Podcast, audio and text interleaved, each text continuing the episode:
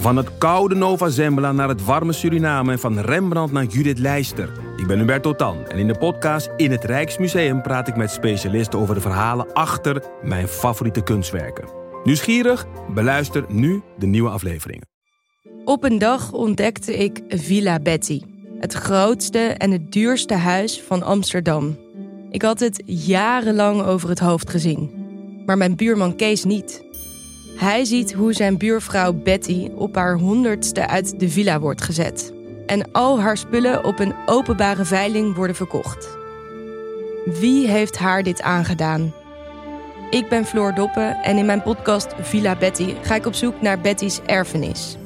Luister nu in je favoriete podcast-app.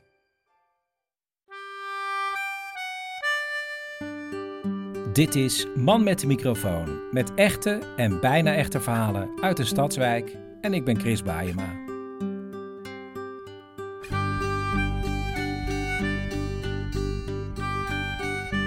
Alles is al opgenomen. Dit is helemaal aan het einde van de opnames.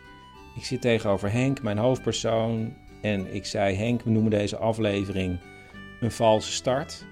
Nou, daar was jij het helemaal niet mee eens. Nee, valse stad klinkt niet echt lekker. Een happy end wel. Maar uiteindelijk hebben we een soort compromis bereikt. En dat is. Uh, valse stad, comma, happy end.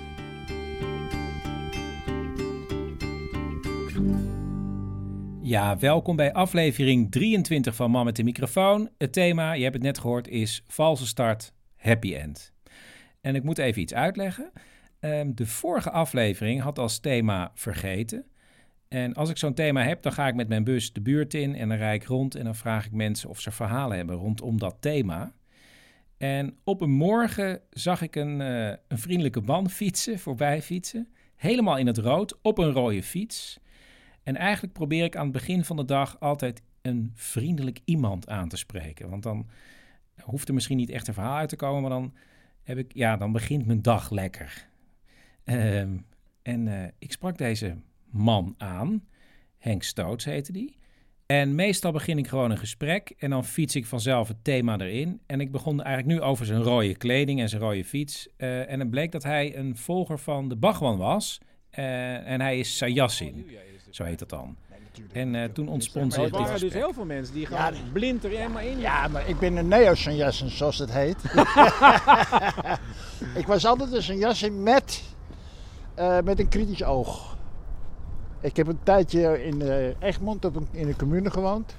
Dat had ik heel nodig, omdat ik uh, heel verkeerd bezig was. En ze hebben me behoorlijk wederopgevoed, mag ik wel zeggen. Maar waar, wat, was er, wat was er mis? Nou, ik, ik, ik, was crimineel, uh, gedronken, ik zoop. En ik, maar u was crimineel? Ja, ik was crimineel toen, voor, daarvoor. Hè. En wat voor een crimineel was u? Inbreken, oplichten, laaien Want het is eigenlijk iets waarvan je zou zeggen, dat wil ik eigenlijk wel vergeten.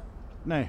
Maar dat moet je juist niet doen? Nee in ieder geval niet vergeten. En je, je moet niet, je kunt er iets mee doen. Dat is een verschil. Je gaat niet zomaar verder. Er moet, er moet een heleboel gebeuren. Maar dat moet vanuit jou komen, niet vanuit een ander. Nou, je begrijpt, na dit korte gesprek belandde Henk niet in mijn vorige aflevering, maar in zijn eigen aflevering. En ik maakte een afspraak, een paar afspraken, om zijn hele verhaal op te nemen en te monteren. Daar gaan we.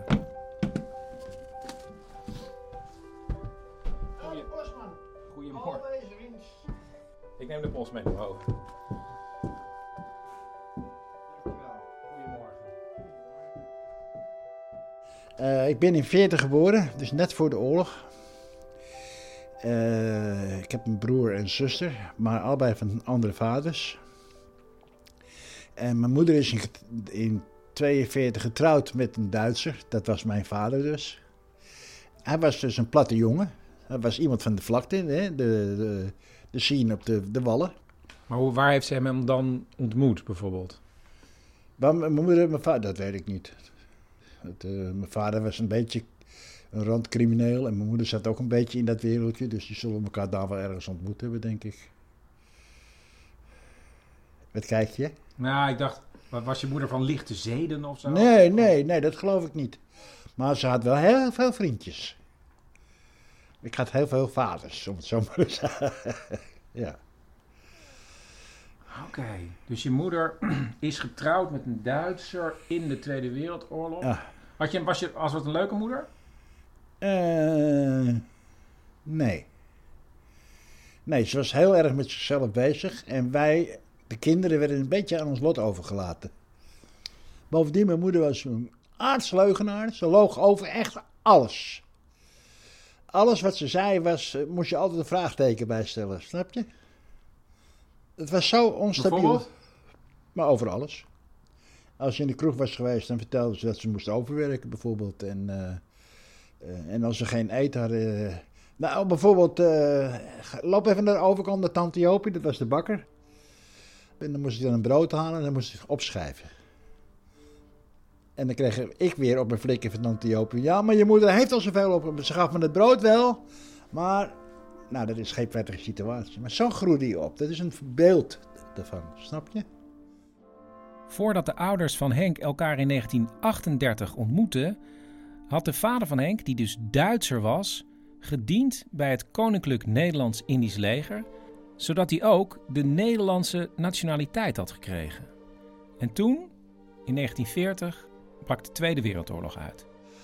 eh, er is toen met zijn broer gaan vluchten voor de Duitsers naar Engeland. Dat is mislukt. En toen kwamen ze in een mijnenveld terecht en zijn broer is daar ontploft. En het enige wat hij van zijn broer terugvond was een portemonnee, vertelde mijn moeder. En toen kwam hij terug naar Nederland en toen is er iets gebeurd in zijn hoofd waardoor hij SS'er werd. Hij heeft zich aangemeld bij de SS in de Terpenstraat en daar was hij een soort eh, specialist van Amsterdam, zeg maar. Hè? Want daar kon alle Joden natuurlijk in Amsterdam. Eh, Maar hij was echt een superfoute uh, SS'er. Ja, hij was absoluut een foute SS. Als je Maar in de Euterpenstraat mensen zit, dan ben je echt heel fout.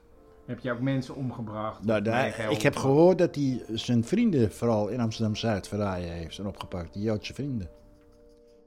Nadat zijn ouders in 1942 trouwen, gaat het al vrij snel mis in het huwelijk. Het ging niet. eh, hij was helemaal veranderd. Hij was geen vrolijke, knappe vent meer. eh, was gewelddadig en schoot op mijn moeder. Vertelt mijn moeder. En dan, eind 1944, besluit zijn moeder te vluchten, min of meer, met haar kinderen de stad in. En ze ja, probeert uit handen te blijven van haar man. Eh, hij wilde ons hebben. Wij, wij, wij, mijn zuster en ik sliepen in trapportalen om, om dat te ontwijken. Want we hadden ook geen huis hè, in de oorlog. Dus we sliepen in trapportalen. Weet je wat hem heel belangrijk is gebleven? De geur van mijn zuster. Want eh, omdat het koud was, het was hongerwinter hè. Stenk uit, deed ze de rok omhoog en deed ze dan zo over me heen. Dus dan rook je haar lichaamsgeur. En soms kom ik wel mensen tegen die diezelfde geur hebben. Dan komt het weer terug. Vergeet je nooit meer. Omdat zijn moeder in de oorlog is getrouwd met een SS'er, geldt ze na de oorlog als collaboratrice. En dus wordt ze in 1948 uit de ouderlijke macht gezet. En dat betekent dat vanaf dat moment de opvoeding van Henk een taak is van de overheid. En dan kom je onder die pro-juventute terecht. Dat was toen zo. En die vonden het bij dat ik maar naar een tehuis ging. En toen ging ik eerst naar het Frederiksplein. Dat, de, de vluchthaven heette dat tehuis. En daar, liep ik continu weg. En toen ze geen raad meer. En toen ben ik naar de Vosmenstraat gegaan. Dat, dat was gesloten. Dat was met tralies. Ik was acht, hè. Met grote tralies. En ook volwassen. Je sliep grote zalen, je sliep met volwassenen en met kinderen, dus liep je door elkaar. Daar ben ik toen heel ziek geworden. Toen kreeg ik een longensteking. Toen kwam ik in een kamertje, dan moest ik medicijnen slikken. En toen, eh, wat ik dus nooit meer vergeet, was eh, die man die me die medicijnen gaf. Die, die gaf me die medicijnen en ik dronk het op en ik werd misselijk en ik spook het zo in zijn gezicht. En toen kreeg ik nog een paar klap voor mijn zo. zo, zo. Dat was de tijd, hè? Al vrij snel wordt Henk vanuit de stad overgeplaatst naar een kindertehuis op de Veluwe. Stichting Hondenloon, dat was opvang voor kinderen. Die werden daar opgevangen. Verwaarloosde kinderen. Ja, Wat voor types waren dat allemaal? ja ik, dat is zo lang geleden. dat Het waren allemaal, ik heb er ook geen relaties aan overgehouden. De enige die ik me nog kan herinneren is juffrouw Muizenwinkel heette ze. Schattig, hè? En die gaf me uh, pianoles. Dat, zo leerde ik noten lezen bij haar. Dat is het enige wat ik. Maar uh, ik herinner me alleen maar dat we dus naar de Veluwe gingen bosbessen plukken, kanterellen plukken en dat werd dan verkocht. En dat was een grote boerderij, kan ik me nog herinneren. Dan moest je in de gang moest je bijvoorbeeld allemaal spessiebonen schoonmaken of aardappelschillen of dat, dat soort onzin. School werd eigenlijk niet zoveel gedaan ik paste dan niet in. En toen na een jaar, of ik denk na een jaar, ben ik naar Rekken gegaan. En dat was echt een gesticht voor nou, zwakbegaafden. Waarom kom je daar terecht? Dat, vraagt, dat vraag ik me nog steeds af.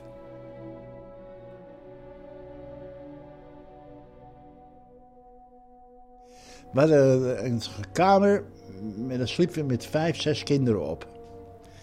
Uh, het waren net zo'n rotjongens als ik. Ik wil niet zeggen dat zij rotter waren dan ik. Maar ik had daar in het begin geen leven in. Maar wat deden ze dan?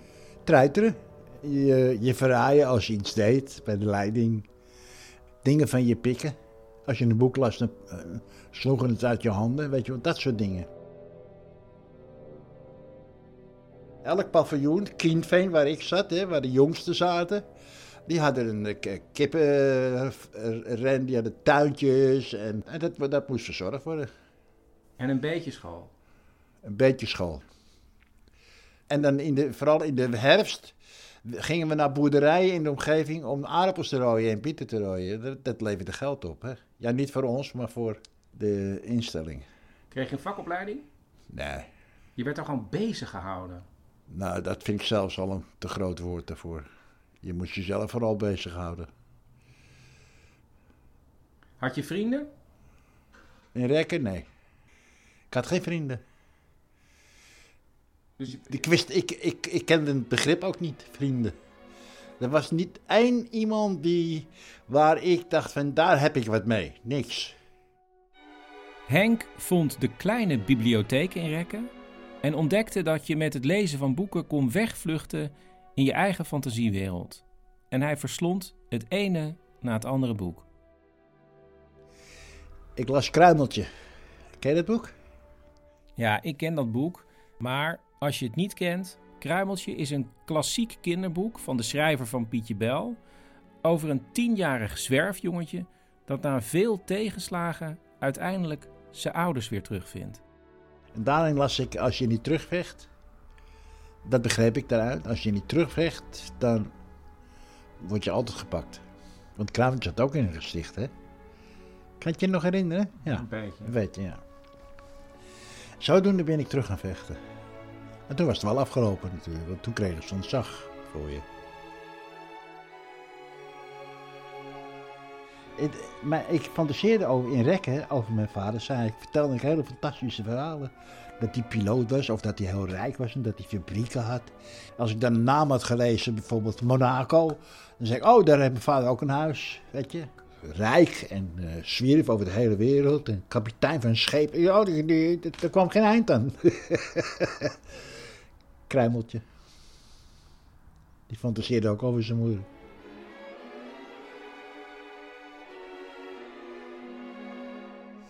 Ze zijn in die, in die jaren misschien één of twee keer bij me geweest. En wie zijn ze? Mijn moeder en mijn zuster. En mijn, nou, mijn broer heb ik al helemaal niet meer gezien.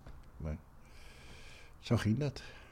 Mijn moeder was een, uh, die had, een hele eigen wereld gecreëerd. Die vertelde iedereen dat ze elk weekend naar Rekken ging. Ik ga naar mijn zoon, maar dat is helemaal niet waar. En dat kost me wat geld. En zo werkte ze dus op de andere tanden. Ze had 17 broers en zusters, die gaven haar dan geld daarvoor. Dat had ze een heel plan voor bedacht. Slim, hè? Maar ze kwam niet.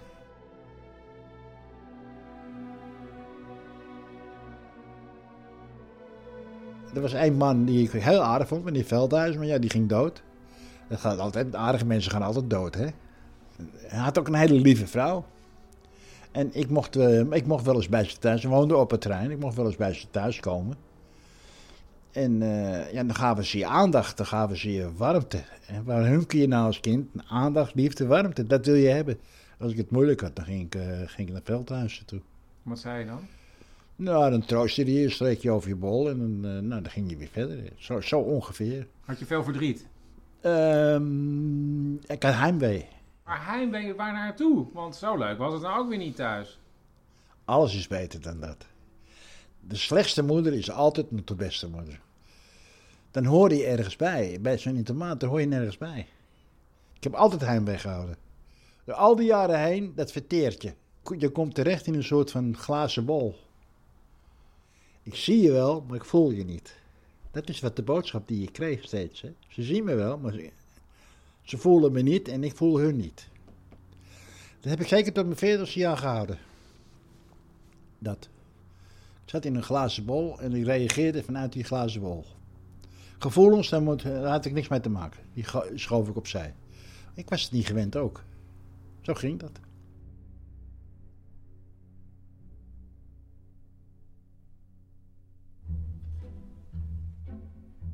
Tot mijn 16e heb ik daar gezeten. Toen kwam er een nieuwe psychiater en die zei: Ik weet niet wat jij hier doet. Zeg ik, nou dat weet ik dus ook niet. En 14 dagen later was ik weg. Vanuit Rekken wordt hij naar een zeevaartschool gestuurd, waar hij een opleiding volgt en gaat varen over de hele wereld. En wanneer hij in Amerika is, reist hij daar een tijdje rond om in hotels te werken. Maar wanneer hij zijn dienstplicht in Nederland moet vervullen, komt hij weer hier naartoe en belandt uiteindelijk weer bij zijn moeder in Amsterdam.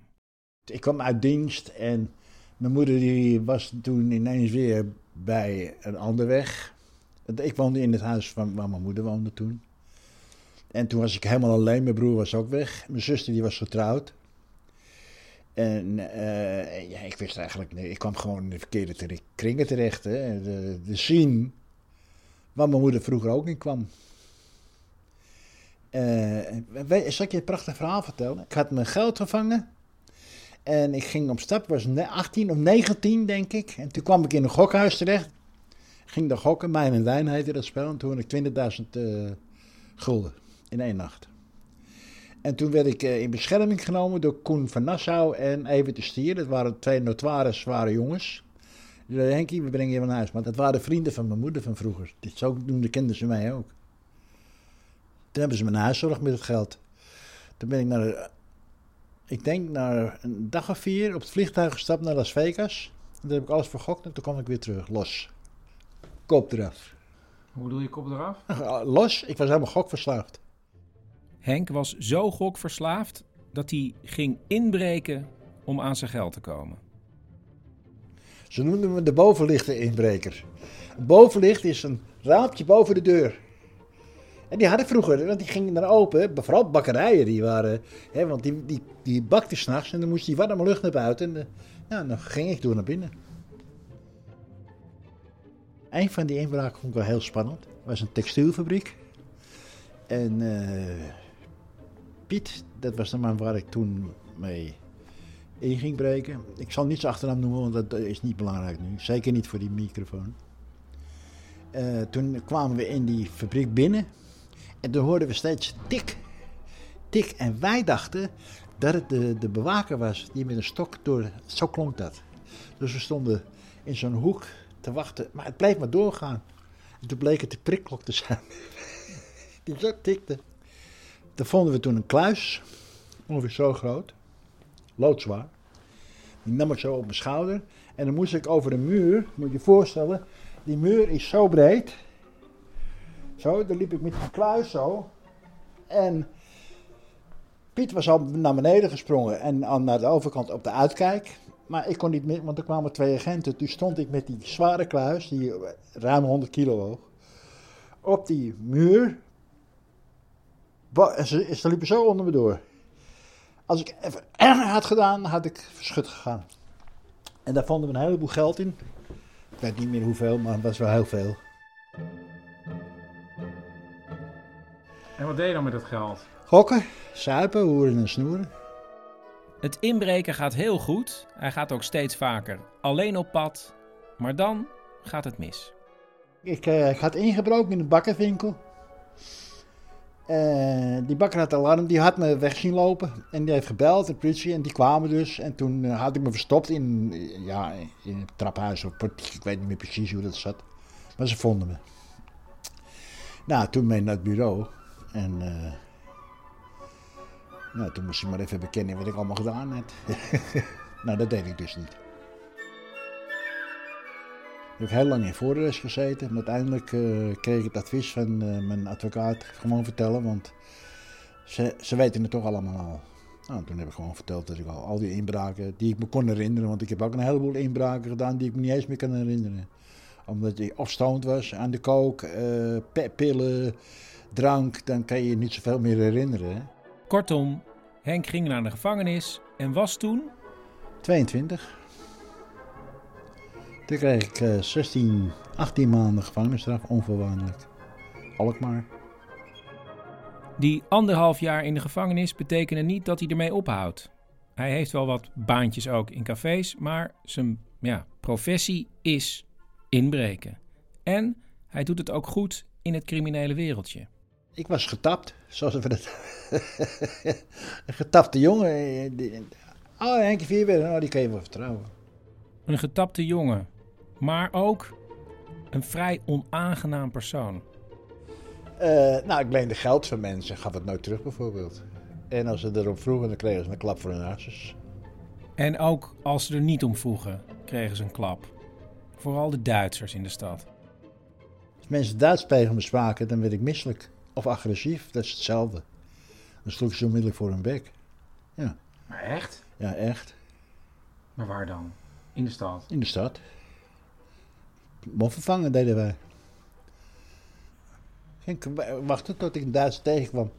En als je dan met verkeersthemen zijn, dan gaf ik hem een ram voor schop. Maar ik ben Hollander in een Hollands café. En hij is Duitser in een Hollands café. Dus ik win altijd. En ik was voor niemand bang. Ik kende geen angst. Ik was nooit bang. Of ze nou twee meter groot waren en twee meter breed, dat interesseerde me niet. Ik vloog ze aan. In diezelfde tijd wordt Henk verliefd op een meisje en hij wil trouwen. En dat betekent dat hij een handtekening van zijn vader moet krijgen. Dat moet nog in die tijd. En dus zit hij op zijn 24ste weer tegenover zijn vader in een stationsrestauratie. Weet je wat hij zei? En ik ben helemaal niet zo slecht geweest. En eh, eh, ik ben ook gedwongen. En eh, nou, allerlei van. Ik heb het niet gewoest. Dat bekende Duitse. Ze hebben, hij heeft niet geweten wat hij allemaal deed. Maar het interesseerde me allemaal niet. Ik wilde gewoon die handtekening van hem. Hij krijgt de handtekening en trouwt. Er wordt een kind geboren, maar het is geen geslaagd huwelijk. En maar je wonen, wonen jullie wel samen en... Ja, re- ja regelmatig. Eh, onregelmatig ook niet. Als ik oorlog was, dan was ik weer weg. Als het oorlog was. Ja, tussen haar en mij dan. Want was je echt gewelddadig? eh, Nou, ja, ik, ben wel eens, ik heb wel eens dingen, ik heb er wel eens geslagen waarvan ik later dacht, wat ik daar nu van denk, dat had ik nooit moeten doen natuurlijk. Maar ja, Sowieso nooit natuurlijk, ja. ja, als je een ongeleid projectiel hebt, dan denk je daar niet bij na, gewoon. Oké, maar ehm, denk je dat je heel veel mensen eh, eh, kwaad hebt gedaan eigenlijk? Of, eh, Ja, ik heb eh, zeker mijn vrouw, mijn tini en ook mijn kinderen verwaarloosd, ja. Zowel emotioneel als, eh, als eh, materieel. Ik heb ze in de steek gelaten, ja. Ja, precies. Ik heb precies hetzelfde gedaan wat mijn moeder gedaan heeft. Henk belandt als inbreker nog twee keer in de gevangenis. Eén keer drie maanden en één keer zes maanden. En na die zes maanden, hij is dan 30 jaar, stopt hij met inbreken omdat hij gewoonweg niet meer durft. In de tussentijd heeft hij steeds meer baantjes gekregen in de horeca en daar richt hij zijn pijlen nu op. Het is niet dat het nu goed gaat met Henk, met zijn drugs, zijn drank en zijn gokken. En bovendien blijft het verleden van zijn ouders hem nog steeds achtervolgen. Een bijzondere nare ervaring was eh, voor mij, dat was echt de doorslag. Ik werkte op het Remmelsplein, in de Rembrandtbar, op de hoek van de Halve Maansteeg en het Remmelsplein, bij Leen Engelsman. En zijn neef, Maupie, Maup, Engelsman waren bekende Joden, waren Joden. En de familie van Maup, negen broers, vader en moeder, zijn allemaal vermoord in Auschwitz. Hij is de enige die overleefd heeft. En we werden vrienden. En, eh, maar het was bekend dat als er Duitsers op het terras waren, dat Maupe zei, nee, die bedien ik niet. Henk, wil jij dat doen? Ze moeten eerst mijn fiets teruggeven, zei hij altijd. En toen kwam mijn oom en tante kwamen binnen. Mijn peetoom, die kwam een keer in die bar binnen.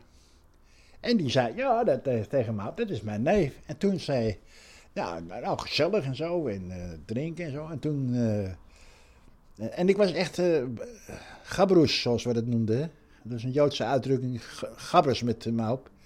Hij steunde me de dikke deun. Als ik geen geld had, dan gaf hij me geld. Had, want hij had drie inkomens. Hij had een inkomen uit Israël, 40, 45. En dan ook nog verdiende die op het Rembrandtsplein. Plus dat hij aandeel had in het, in het bedrijf.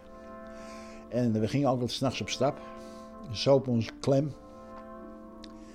En uh, ik kon niet stuk. En toen kwam Maupie erachter. Die zegt, maar van wie ben jij dan een zoon van welke? Ik zeg, van Annie, Annie Vierbergen. Dat is mijn moeder. En hij wist dat Annie Vierbergen met Frits Stoots was getrouwd. Dus zijn gezicht verstrakte. Die leuke map was ineens weg. Er stond een, ja, soort masker voor je.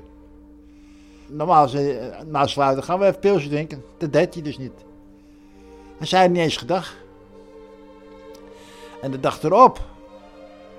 Nee, dat, een, dat Engelsman toen zei: Ja, Maap is een beetje op je afgeknapt. Zoiets, ja. Hij heeft ook niet meer aangekeken.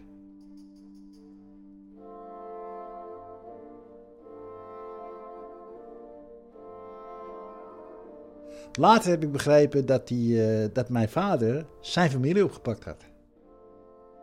Mijn vader heeft ze op laten pakken. Die heeft aangewezen waar ze woonden. Hij, woonde, hij werkte in de Terpenstraat, dus hij zat bij het overvalteam. En dan moet je je voorstellen wat dat betekent voor hem. Ja, ik kan me dat heel goed voorstellen. Het is alleen jammer dat hij zich niet goed kon voorstellen hoe het voor mij was. Dat is wel vervelend. Het is, dan is het maar één kant.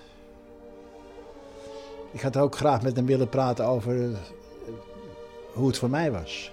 Als zoon van een oorlogsmisdadiger je leven door te brengen.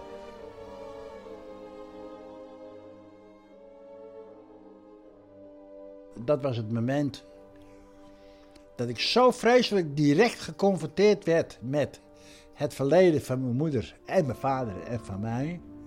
Op zo'n vreselijke manier dat uh, ja, ik flipte.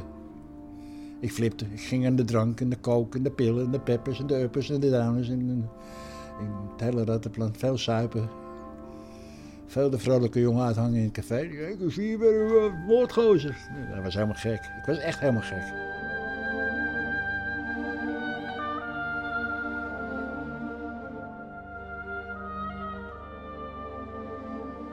Het was één bonk agressie. Woede. En als je het zo aanraakt, wam, dan explodeerde ik alweer. Waren mensen bang voor jou? Sommige mensen waren bang. Ze noemden me op de rem was klein Henkje de moordenaar. Maar was je een gevaarlijke man? Nee, ik was geen gevaarlijke man. Maar Henkie de moordenaar? Ja, omdat ik alles en alles of niets figuur ben. Daar bedoelden ze ermee. Ik bedoelde me niet letterlijk dat ik een moordenaar was. Maar dat ik alles of niets, ook met gokken. Ik gooide alles wat ik had, bam, op een nummer. Dat is wat zij er bedoelden met de moordenaar. Henk groeit verder in de horeca en wordt van barman uiteindelijk ook eigenaar als hij investeert samen met een goede vriend Rob. Ik had twee cafés. De ene ging tien uur open en de andere ging s'nachts om twee uur dicht. Dat is beulen. Dat hou je niet vol. Dan bleef je roofbouw. Kun je volhouden door kookte. En dat, uh, dat heeft me eigenlijk wel uh, opgebroken. Ik heb het een jaar lang gedaan. En toen heb ik, heb ik twee cafés aan Rob gegeven. Hou maar, ik ga weg. Ik had van alles zo ontzettend genoeg. Ik raakte in een diepe, gigantische diepe depressie. Ik was een loser. Ik faalde op alle gebieden. In mijn vaderschap, in, uh, als man. eh, als kroegbaas, als mens. eh, er was, ik, was niks over. En het werd hoe langer hoe erger met mij. En toen ben ik, eh, ik heb niet bewust gezegd, nu ga ik zelfmoord plegen of zo. Zo gebeurde het niet. Ik nam de ene pil naar de andere. En op een gegeven moment kreeg- heb ik zoveel pillen ingenomen. Ik weet begot niet meer wat. Maar kalmerende pillen en slaappillen en zo. En weet ik veel wat. Eh, toen ben ik de straat op gegaan en daar ben ik in elkaar gevallen. Daar hebben ze me opgepakt, het ziekenhuis gebracht. Wanneer hij in het ziekenhuis uit zijn coma ontwaakt, geeft ze hem daar de kans om dagtherapie te gaan volgen. En wanneer hij die kans aangrijpt, gaat er een wereld voor hem open. Mensen waren betrokken, echt betrokken bij je. Dat had ik nooit meegemaakt. Ik dacht eerst, die willen wat van me. Hè. Zo, zo, zo, zo zat ik een beetje ook in elkaar. En ik wilde eigenlijk wel weten wat ze van me wilden. Toen kwam ik erachter dat, ze, dat helemaal niet het geval was, maar dat ze gewoon echt betrokken bij me waren. En dat vond ik echt heel bijzonder. Maar dat heeft heel lang geduurd, daarom ben ik er ook heel lang geweest. En daarna, ben, toen ik daar wegging, toen eh, zweefde ik op wolken. Je loopt op wolken. Ik had zelfs een droom, in die tijd, dat ik door de kamer heen zweefde. En, het, en ik, ik, soms heb ik heimwee. Ik, was, dat, ik wou dat ik die droom nog... Ik heb hem daarna nooit meer gehad. En het was vooral bijzonder omdat ik elke nacht, maar ook elke nacht, nachtmerries had. Drijfzand, eh, achtervolging, in de meest krankzinnige situaties terechtkomen, waar je altijd bedreigd wordt. Dat zit nog steeds in me. Na een lange periode dagtherapie krabbelt Henk langzaam weer overeind en hij begint weer een café. Maar er blijft altijd nog iets knagen. Hij mist iets. Hij is inmiddels gescheiden. En dan ontmoet hij in zijn café zijn huidige vriendin Thea. En die zegt: Ik heb iets gelezen over een commune in Egmond. Waar je aan jezelf kan werken. Het wordt geleid door een volgeling van Bhagwan. En het heet University. En dan denkt Henk: Ja, waarom niet? Ja, en toen kwam ik daar op de Human University en het was shock. Complete shock. Allemaal mooie mensen. Ik wist niet dat het bestond. Ik vond het allemaal mooi. Alles wat, al die mensen waren mooi. Dan, Hoezo mooi? We- ja, mooi. Oh, leuk om te zien of Ja, aardig? leuk, aardig. eh. Echte mensen, warme mensen.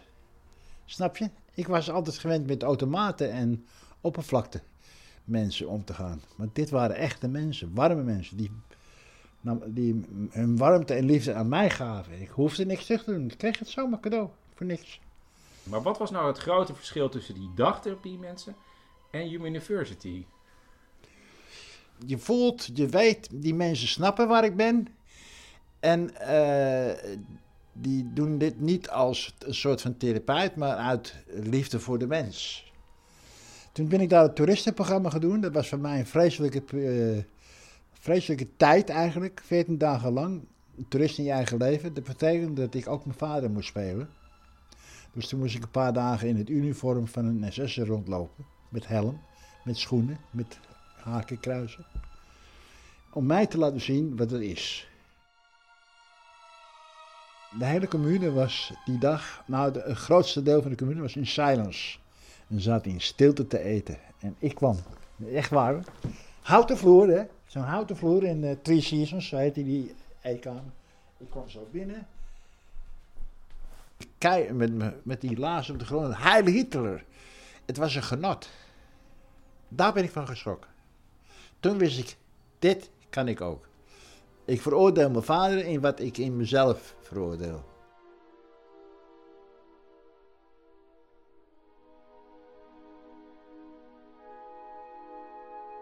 In elk mens zit een moreel kompas. In elk mens zit liefde, haat, alles. Ehm, ik heb geleerd dat je dat alles wat er is moet omarmen, kunt omarmen om dichter naar jezelf toe te groeien. Ik ben niet een man van liefde, maar ik ben ook geen man van haat meer. Ik ben alles. Uiteindelijk verblijft Henk meer dan een half jaar in de commune in Egmond. En dan wordt hij ook officieel wat heet Sayassin. En dan krijgt hij van Bhagwan uit India een eigen aparte naam. De man had me nog nooit gezien, Bokman. Maar hij wist precies wat voor naam hij me moest geven. Dat is ongelooflijk. Wat was je naam? Bodhi Pushkar. En dat betekent? Bewuste lotus. En waarom is dat een goede naam voor jou? Omdat de lotus opgroeit in stilstaande poelen vol met shit. En daar komt de mooiste bloem. Henk is dan halverwege de 40 en wanneer hij vanuit Egmond weer teruggaat naar Amsterdam, doet hij zijn laatste café van de hand en begint samen met een andere Sayassin een uh, marktkraampje met batik sjaals uit Bali. En hij is zo'n acht jaar lang marktkoopman. Ik ben nog wel een paar keer teruggevallen in mijn oude ik. Dat duurt nou, de, nu de laatste jaren niet meer, maar het heeft nog wel. Het gaat altijd zo, hè? Het is nooit zo. Het is heel saai. Maar zuipen, hoeren, gokken? Nou, gokken, gokken. Hoeren niet, dat was ik wel. En wel zuipen, ja. Maar tot, uh, ik denk dat tot mijn vijf, tot mijn vijftigste, 55, toen heb ik toch wel flink doorgehaald nog. En daarna niet meer? Daarna is het afgelopen. Toen was het geleidelijk gegaan. Ik was een super alcoholist en ineens ben ik het niet meer. Halverwege de 50 stopt hij met werken en leeft van een uitkering met zijn vriendin in een klein huis naar alle tevredenheid. En hij gaat zich inzetten als vrijwilliger in het buurthuis, als klusjesman, aanspreekpunt en hij heeft er zelfs een tijdje yogalessen gegeven. Ik begon pas echt tevreden over mezelf te zijn toen ik uh, in het buurthuis werkte. En dat ik dingen deed zonder dat daar uh, een financieel uh, aan vast zat. Het interesseerde me ook niet meer, geld. Nog steeds niet. Snap je? Tevreden met de dingen die ik doe. Ik werd belangrijk. Ook in mijn eigen ogen werd ik belangrijk. En ondanks dat de inmiddels 79-jarige Henk geen vrijwilliger meer is, is hij nog steeds bezig zichzelf verder te ontwikkelen. Uh, ik doe allerlei creatief. Ik, beeld, ik heb beeldhouden gedaan, dat heb ik zelf gemaakt. Dat schilder, ik schilder zelf. Uh... Als mensen van jouw oude leventje hier tegenkomen, dan ben je echt een soort clown, ben je, hè? Ja, ja. De, de meesten denken ook, uh, ik kom er nog wel Vanmorgen was ik er nog. Een paar jongens, van de vroegere jongens die ik kende. De Rode Toon en uh, Mooie Geert heten ze, pooiers, die nu bejaarde mensen zijn. En uh, die kijken naar toch van, uh, dat is, die gozer is geflipt. Maar als je anders bent dan een ander, ben je raar. En wat raar is, moet je niet vertrouwen. Zo ben ik ook opgegroeid. Dus ik snap wel waar ze vandaan komen natuurlijk. Dat Henk zo veranderd is, wil niet zeggen dat hij zijn oude wereld de rug heeft toegekeerd. Je hoeft die oude wereld ook niet te vergeten. Want als je dat gaat doen, dan heb je niks geleerd. En heb je wel de behoefte om af en toe mensen te, te zeggen van... hé hey jongens, het kan ook anders? Of? Nee, dat doe ik niet. Gedaan? Wel, ja, maar dat werkt niet. Mijn oudste vriend, Drop, is uh, rijk, hartstikke rijk geworden. Uh, als gokbaas, lottebaas, daar heb ik ook samen cafés mee gehad. Die is zo totaal anders dan ik ben. Is een racist, veroordeelt mensen. En dan zeg ik wel Rob, het is ook, kan ook anders. Want hij luistert niet, hij heeft zijn eigen ding. En toen dacht ik, daar stop ik geen energie in. En ben je nog wel bevriend met hem? Ja. Ik hou ook nog van hem. Dat is, dat is toch bijzonder? Dat is toch mooi? Twee totaal verschillende mensen. En ik erger me soms dood aan hem. En toch is dat er nog. In al die jaren is Henk zijn vader ook nooit vergeten. En hij vroeg zich af of ze elkaar ooit nog eens terug zouden zien. Dus een jaar of tien geleden zei mijn vriendin: Je moet eens op proberen contact te zoeken met je vader. En toen vond ik uit dat hij hier nog in een, in een rechte lijn nog 500 meter van me vandaan woonde. Toen heb ik hem opgebeld en toen zei ik, ja, ik wil graag met je contact met je hebben. En weet je wat hij zei?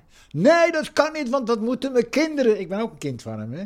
Wat moeten mijn kinderen er wel niet van denken? En oh, oh god, nou... Toen dacht ik, tactisch wezen, rustig blijven. Toen zei ik tegen hem, nou oké, weet je wat? Laat het even inzinken. Ik bel je volgende week op om uh, te vragen hoe en wat.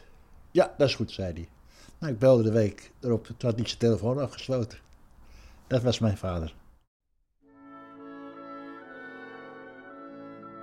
Met zijn moeder heeft Henk wel altijd contact gehouden. En hij zag dat naarmate ze ouder werd, dat ze ook iets zachter werd. En dat zat hem in hele kleine dingen. Het was niet zo, Henkje doe dit.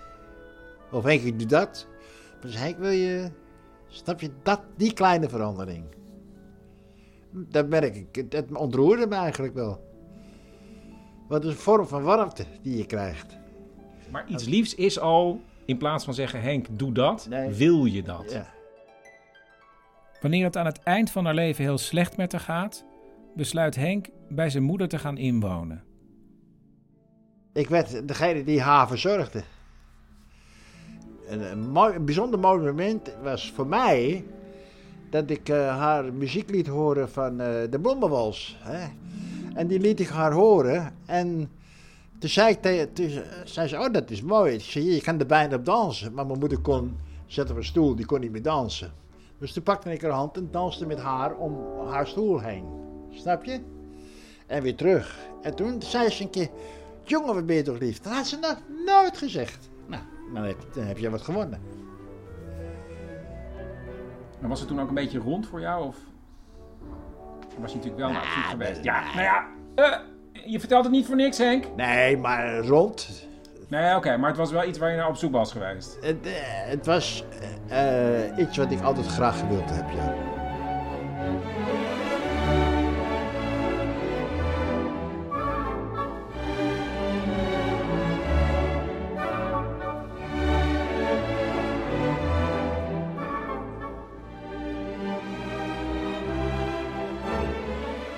Ik ben trots. Ja, ik ben trots. Ik ben gegroeid. Ik ben niet stil blijven staan. Ik schiet er van vol. Ik ben uit de goot gekropen, een lange weg. Jaren, hè. Het is niet in een dag gebeurd, hè. Het is nog steeds aan de gang. Want dat is juist, dat vind ik de schoonheid van het leven. Dat je progressie maakt. Dus je bent nog lang niet klaar. Nou, ik heb nog een paar honderd jaar nodig.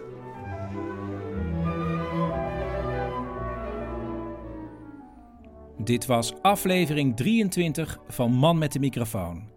Man met de microfoon wordt mede mogelijk gemaakt door het Amsterdamse Fonds voor de Kunst en door jou.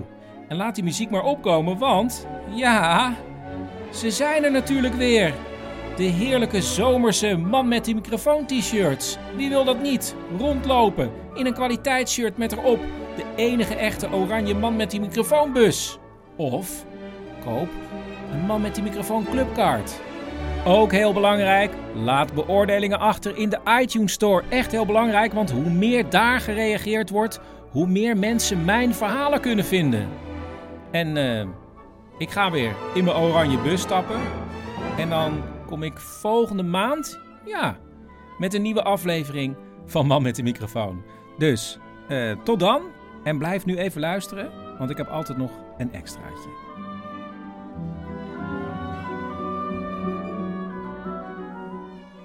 Hoe fijn vind je het eigenlijk nu om erbij te horen? Want je bent nog steeds helemaal in het rood. Ja, maar niet om, dit Dat vind je gewoon leuk. Nou, je, Henk, toen ik je tegenkwam, was je helemaal in het rood. tot en met de fiets aan toe. maar niet om, maar niet om bakwan, maar omdat ik rood maar leuk vond. Alles is rood bij mij.